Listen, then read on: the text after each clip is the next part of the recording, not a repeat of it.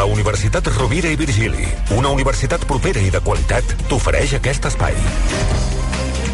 Anem amb bones notícies perquè la pandèmia la, que, la pandèmia de la Covid continua, n'hi ha, ha altres que van en augment, com els grafitis. La pandèmia continua anant de moment a la baixa. Mil dies després que arribés el Covid a Catalunya, l'Hospital del Mar de Barcelona no té cap malalt de Covid ingressat a la UCI. Durant la primera onada en teníem prop de 70. Segons les últimes dades de salut, diumenge passat a tot el país hi havia només 16 malalts de Covid a cures intensives. En canvi, la resta de virus respiratoris tornen a créixer amb l'arribada del fred. Ara el que estan disparats són, per exemple, els refredats, molta gent refredada, mm. és un clàssic, i també han augmentat els casos de bronquiolitis en nens petits, però això diríem que no és nou. Avui volem eh, parlar d'aquestes i moltes altres qüestions amb el periodista de salut especialitzat en ciències... El periodista de La Vanguardia, perdó, especialitzat en ciència i salut, Josep Corbella. Josep, bona tarda. Molt bona tarda. Bueno, de seguida entrem en matèria, però abans, eh, redoble a Lujas, perquè aquesta tarda hem sabut que el jurat de la setena edició dels Premis Periodístics Concha García Campoy ha premiat Josep Corbella per la seva brillant carrera professional Olé. com a periodista de ciència i salut a La Vanguardia, concretament amb el premi dins la categoria de trajectòria. Molt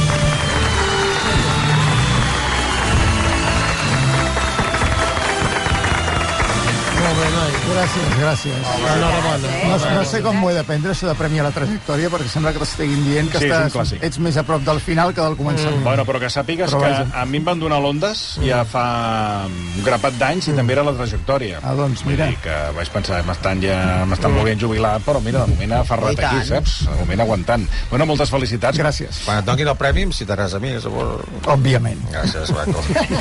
Quan, et, quan, quan el donen, allò presencialment?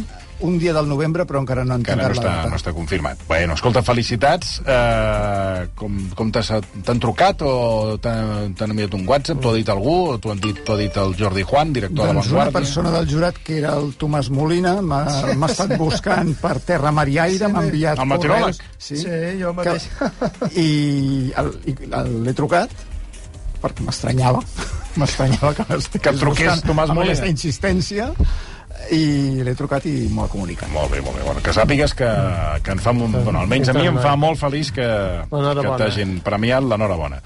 Um, parlàvem de virus respiratoris. La pregunta és... Uh, quan parlem de virus respiratoris, de quin tipus de virus estem parlant? Perquè, clar, virus respiratoris n'hi ha molts. Tots ara associem a la Covid, però mm. n'hi ha d'altres, no? Què hem d'entendre per virus respiratori? Doncs mira, tots aquells que quan els enganxes et fan tenir símptomes respiratoris, i això inclou des dels refredats, els virus dels refredats, que n'hi ha diversos, el de la grip eh, o el de la Covid, eh, mm. o el respiratori sincitial. L'efecte són virus que afecten a l'aparell respiratori. Mocs, Tots són bàsicament. coronavirus, tots. No tots són No tots. coronavirus. La, els, co- mira, quan dius coronavirus és com si diguessis els felins dins dels mamífers. Ah. I el rinovirus, per exemple, que són uns altres que causen refredats, és com si diguessis doncs els cànids, no? Mm. O sigui, són com grups biològics diferents dintre d'aquesta gran família dels virus. Pa- Hi haurà, eh, ja, ja es parla de previsions, es parla de ser, com ja, ja s'està vacunant la gent amb, per, per la grip. Eh, es poden fer previsions de com, perquè això a vegades es fa, com serà la grip d'aquest any, com serà, quins virus hi haurà més, menys, això? Pot arribar a fer o és, diguéssim, Mira, és previ- com, a- com diu Sala previsions- Martín, bola de vidre? No, previsions se n'han fet. Sí. En base a una, a una, al coneixement teòric que tenim eh, i, bàsicament, el resum, mira, ja es poden resumir amb dos grans tipus de previsions sobre la grip Mm. que van en direccions contràries i que reflecteixen que en el fons no en tenim ni idea. Per tant, millor, no sabem què passarà. què és el que diu el professor Però- Xavier Sala i Martín quan li demanes bola de previsions vidre. econòmiques? Sí. Quan arribi la grip, que és notòriament imprevisible, sempre ho ha estat, eh, veurem què passa. O sigui, no pot venir, o sigui, no pots fer d'home del temps, eh, amb un mapa darrere i dir, mira, demà vindrà tot de virus de, per aquí al nord de Catalunya, després vindrà un coronavirus per baix. Això Miri, no pot... li puc explicar quines són les, eh, els motius per les previsions, els raonaments, i a partir d'aquí, en funció del seu caràcter, si vostè és més pessimista o més optimista, podrà decidir si prefereix una previsió o l'altra. Ah, Però hi ha una cosa que sí que podem recomanar sense por d'equivocar-nos, que és que, com que no sabem què passarà i com que és possible que hi hagi una epidèmia important de grip aquest hivern, les persones a qui es recomana que es vacunin de la grip, doncs és millor que es vacunin i d'aquesta manera reduiran els riscos. Per cert, que a partir de dilluns, les persones, no de 80, sinó eh, s'ha baixat el llistó de 60, i primer jo, eh, van, ens, van, ens van explicar que era a partir dels 80, però ara estem ja amb els 60, podran demanar hora per vacunar-se tant de la grip com de la quarta dosi del, de, del Covid. Sí, deixa'm aclarir que no hi ha hagut un canvi de criteri. Eh? Ah, però jo recordo que primer es va parlar dels 80, majors de 80. sí, sí. Ara ja és 60. Es va començar pels majors de 80 perquè es va considerar que s'havia de començar pels més vulnerables. Després s'amplia als majors de 60, que estava previst des del començament. Mm. I properament s'ampliarà també a un grup que no estava previst inicialment, que és menors de 60 amb factors de risc. Mm. Amb factors de risc de no molt al risc, sinó de factors de risc intermis, com puguin ser persones amb cardiopaties, amb malaltia respiratòria, etc. Aquests aniran després de la vacunació dels de 60. No sé si després o al mateix temps. Al mateix temps. Mm. Molt bé, doncs... Perdó, eh, dispenso una pregunta que és interessant. Sí, jo no, bueno, vostè, que... vostè considera que és interessant. Ara sí. ho considerarà el, el premiat, no com sí. vostè, que... Bueno, però ell, ell m'ho sabrà contestar, Bé, això, perquè m'ha vingut al cap que ara hi ha països que han passat l'hivern, que just han passat l'hivern, sí, es mira quina, quines epidèmies han tingut ells abans de fer la, per fer aquesta previsió de les epidèmies que vindran aquí. Molt ben pensat, això. Eh, veus? Sí, molt ben pensat, molt ben pensat i sí que s'ha mirat. Uh, a l'hemisferi sud han tingut a la seva temporada de grip doncs, aquest estiu passat Veus? i han tingut una epidèmia de grip bastant normal, bastant normal. com eren abans de normal. la pandèmia. Normal. Però això no vol dir necessàriament que, que aquí hagi de ser igual, però possiblement doncs... És a dir, quan aquí arriba l'hivern venen els virus nous? Eh, nosaltres ens toquen els nous i ells tenen els vells? Qui va primer, ells o nosaltres? Però què és primer, primer, l'ou o la gallina? Això és el mateix que... No, no, no. Doncs no. primer ve l'hivern a l'hemisferi nord, després al sud, després al Vostè nord... vol dir si nosaltres estrenem virus i ells demà no, no, ja agafen no, no. el, de, el de segona mà. Exacte. No. No, no, no funciona així. No, no és que es criïn a l'hemisferi sud i vinguin a l'hemisferi nord. No, no, al revés, al revés, que, no, que es criïn aquí i comencen a Tampoc. sortir aquí i tot, després ells tot l'any, tot l'any els tot virus tot estan intentant buscar-se la vida i evolucionant com cabrons, poden. Són uns cabrons. Tot l'any a la loco, eh? Va. Són uns, com tot que és cabrons. Jo tinc una cosa... Una pregunta que faré, seriosa, eh? Aquesta seriosa.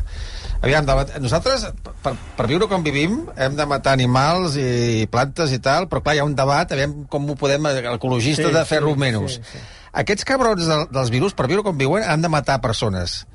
Hi ha un debat entre ells per deixar de, de, de per disminuir això, perquè clar, aquests van matant i no hi ha consciència ni res, vinga. No, els virus no han de matar persones. Hi ha una, bueno, molt, petit, no, quants, hi ha una eh? molt petita minoria de tots els virus que existeixen ah, vale, que són els que infecten i causen mal a les persones. En realitat, si vostè es para a pensar uh, d'on ve tot el seu genoma, ve de virus Vostè, sí, bueno. sí, tot el seu ADN... Vostè és un virus.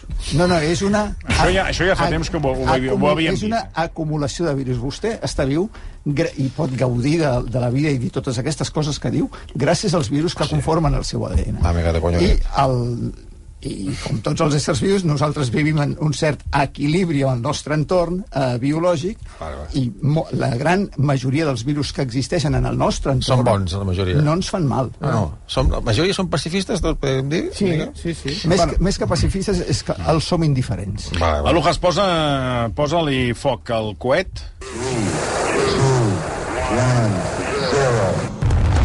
Perquè la companyia SpaceX, la d'Elon Musk, ara sí. ha reprès la compra de Twitter, veurem finalment com acaba aquest col·laborat, ha proposat d'enviar astronautes al telescopi espacial Hubble per allargar la seva vida útil. A veure, eh, primer com els llançarà i després què li passa al telescopi, perquè ja li van posar com unes ulleres, si no recordo malament, sí. no? No li van fer un arreglo ja, aquest telescopi? N'hi han fet diversos d'arreglos en aquest telescopi. Aquest telescopi el van posar en òrbita el 1990, si no recordo malament, mm -hmm. en una òrbita que inicialment estava a 600 quilòmetres d'altitud. Eh, es va dissenyar pensant que anessin astronautes eh, periòdicament a reparar-lo, però hi havien d'anar amb els shuttles. I, el, I els shuttles, quan els van diguem, retirar, es, es van quedar sense cap vehicle per anar-hi. Des de que hi va anar l'última missió l'any 2009, eh, el telescopi ha perdut altitud i en aquest moment està a 540 quilòmetres. Està prou amunt està donant voltes al voltant de la Terra, però està prou amunt. Ah, però anirà perdent altitud en el futur a les properes dècades. I abans o després caurà a la Terra. Ah, ai, ai, ai. Amb una caiguda que ja es ah, mirarà, ah. està preparat perquè sigui controlada i no faci mal a ningú i caigui en un lloc que no faci mal a ningú. Molt, Però el, la idea... Vostè que... en base a què diu que costa molt? perquè tu has provat... Quan hi ha una... Clar, pensa, perquè agafi l'òrbita, mm. és una rodona perfecta, i tu has de clavar el volant.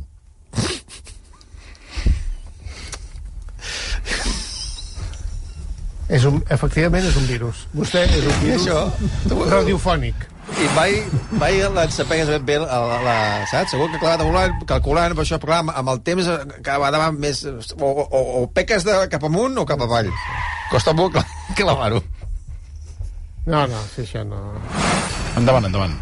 No, només us estava explicant que la idea que proposa SpaceX, que la NASA no ha dit ni sí ni no, però ha dit que l'analitzarà perquè no és cap ximpleria, mm. és enviem una nova missió allà amb els coets de SpaceX, amb les càpsules de SpaceX, i d'entrada li pugem l'òrbita Sí, perquè estigui operatiu es més Chupinazo, anys chupinazo. i si a més, i a més hi van astronautes perquè les càpsules de SpaceX poden portar astronautes doncs podrien fer les reparacions que faci falta per Netejar uh, el posar a punt el Escolta, telescopi i, i, perquè una, duri més i, anys i una pregunta. Ara que té més eh, fiabilitat a SpaceX que no aquest coet de la NASA que, que de dos per tres el, el anem retrasant, ara, ja no, ara diuen que se sortirà al novembre o al desembre. a perquè té partir un... del 12 de novembre Sí, bueno, perquè té fuites i tal. La pregunta és per què no, no, no, no envien el de, el de l'Elon Musk a la SpaceX i ho acabem abans? Perquè aquest de la NASA no, no, no va ni amb rodes. Aquest de la NASA, que sembla que estigui de pega, no, no és que no sigui fiable, és que encara no se li ha donat l'oportunitat ni de, ni de enlairar-se. Quan s'enlairi, veurem si, com funciona. Uh, Aleshores, Doncs per què no deix, coet per de què la no, NASA... clar, si tens un coet que eh, Home. sí, sí que és de l'àmbit privat, però que és el SpaceX, funciona, perquè s'ha comprovat que funciona, doncs que contractin la I SpaceX tant. i que deixin estar el de la NASA, perquè si el de la NASA, si, si, el, si el que dius ni l'han provat, No, perquè aquest coet és per anar a la Lluna, per enviar astronautes a la Lluna. SpaceX no té encara cap coet per enviar astronautes a la Lluna. N'està construint un. I es vol ser l'alternativa al, al, al de la NASA. Eh, L'alternativa més barata i, per tant, em, es proposa per ser-ho. Però eh, SpaceX no té cap coet en aquest moment capaç de fer el llançament que necessita la NASA per posar a, en marxa el programa d'exploració lunar amb astronautes. Per tant, eh, sí que veus factible i que es produeixi aquell llançament de SpaceX per anar a arreglar el telescopi Hubble. No, la NASA ha dit que s'ho ho estudiarà. Ho estudiarà. I, Ho els, estudiarà. I és una idea que, que té tot el sentit del món.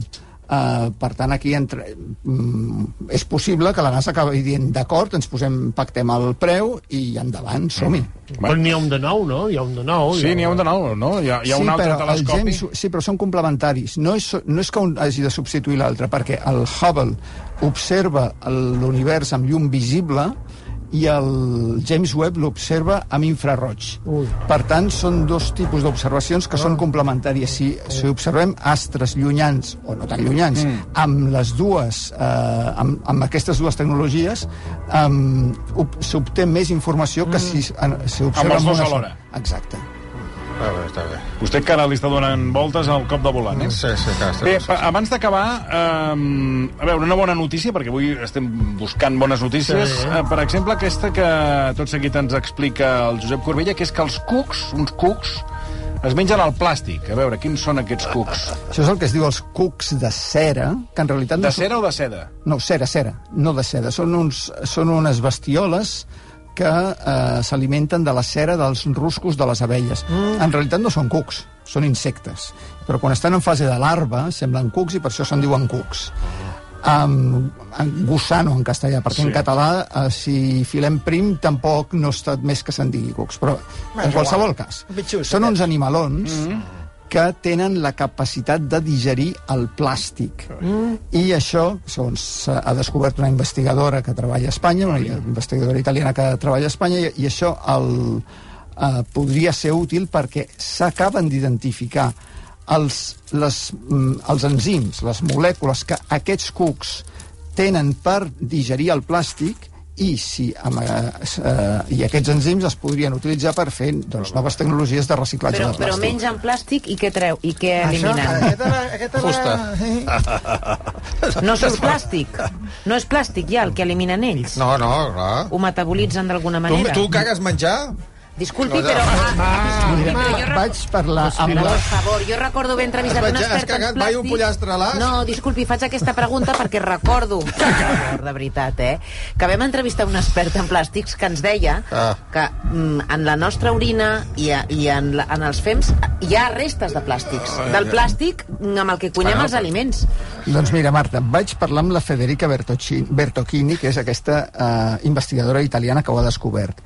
I la, el que li vaig preguntar va ser com és, quin sentit té, des d'un punt de vista evolutiu, que aquests, aquestes bestioles digereixin el plàstic si han evolucionat abans que s'inventessin Ah, el eh? plàstic? Clar, clar. I l'explicació és que la cera de les abelles té un enllaç químic que és comú amb, amb el plàstic, amb el plàstic més, més comú, sí. que és el polietilè. Ah. Aleshores, la, aquesta, aquests animalons han après a digerir la cera i, per tant, poden digerir ah. aquesta, aquest enllaç Sí. químic del plàstic i per això s'elimina el plàstic. Mm. Les figures Ara, de cera la de- del pregunta museu s'assemblen de que has plàstic. fet tu, aquesta sí que no se'n va acudir fer-li. Però vaja, cadascú... És que la Cailà és molt, és molt gran, la Cailà. La No, Cailà periodista, és una periodista com la copa d'un peix. Periodista, Home, si, si periodista. caguen plàstic ja no serveixen per res. Però a part d'això, a- el cuc és molt petit, poc plàstic eh, menjarà. Per què no a, a, ho feu amb elefants? És que vull dir, o, o anacondes, que és un cuc gros. Perquè un, un cuc, quan plàstic es menja? Si no li sap greu, eh, ja li, li planteja el, el Covella ho estudia i ja li Va, va, va. respon perquè ara ja estem una mica Per fora. què no ho feu, eh? Com si fos cosa que... Eh? Diu, per què no ho feu amb elefants? Com si fos d'ell. Sí, com, si, exacte, com si fos l'estudi d'ell, eh, quan és de, de la investigadora que ens acaba de, ens acaba d'explicar. Josep Corbella, moltíssimes gràcies. A vosaltres, un plaer, com sempre. Igualment, d'aquí quatre... Quatre no, sis minuts mal comptats. Sí. Sis minuts mal comptats, obrirem i escoltarem la música de, que, que en aquest cas eh, posava, es punxava, mai millor dit, a través d'un tocadiscos, Núria Feliu. Oh. Ho expliquem d'aquí sis minuts. Els castells ens agraden i ens emocionen, però saps quanta energia acumula un 3 de 10 amb folre i manilles? O que una catedral gòtica i un castell tenen elements arquitectònics en comú? Amb el projecte Castells de Ciència de la Universitat Rovira i Virgili aprendràs moltes curiositats científiques sobre els castells. Descobreix-les a castellsdeciència.urb.cat.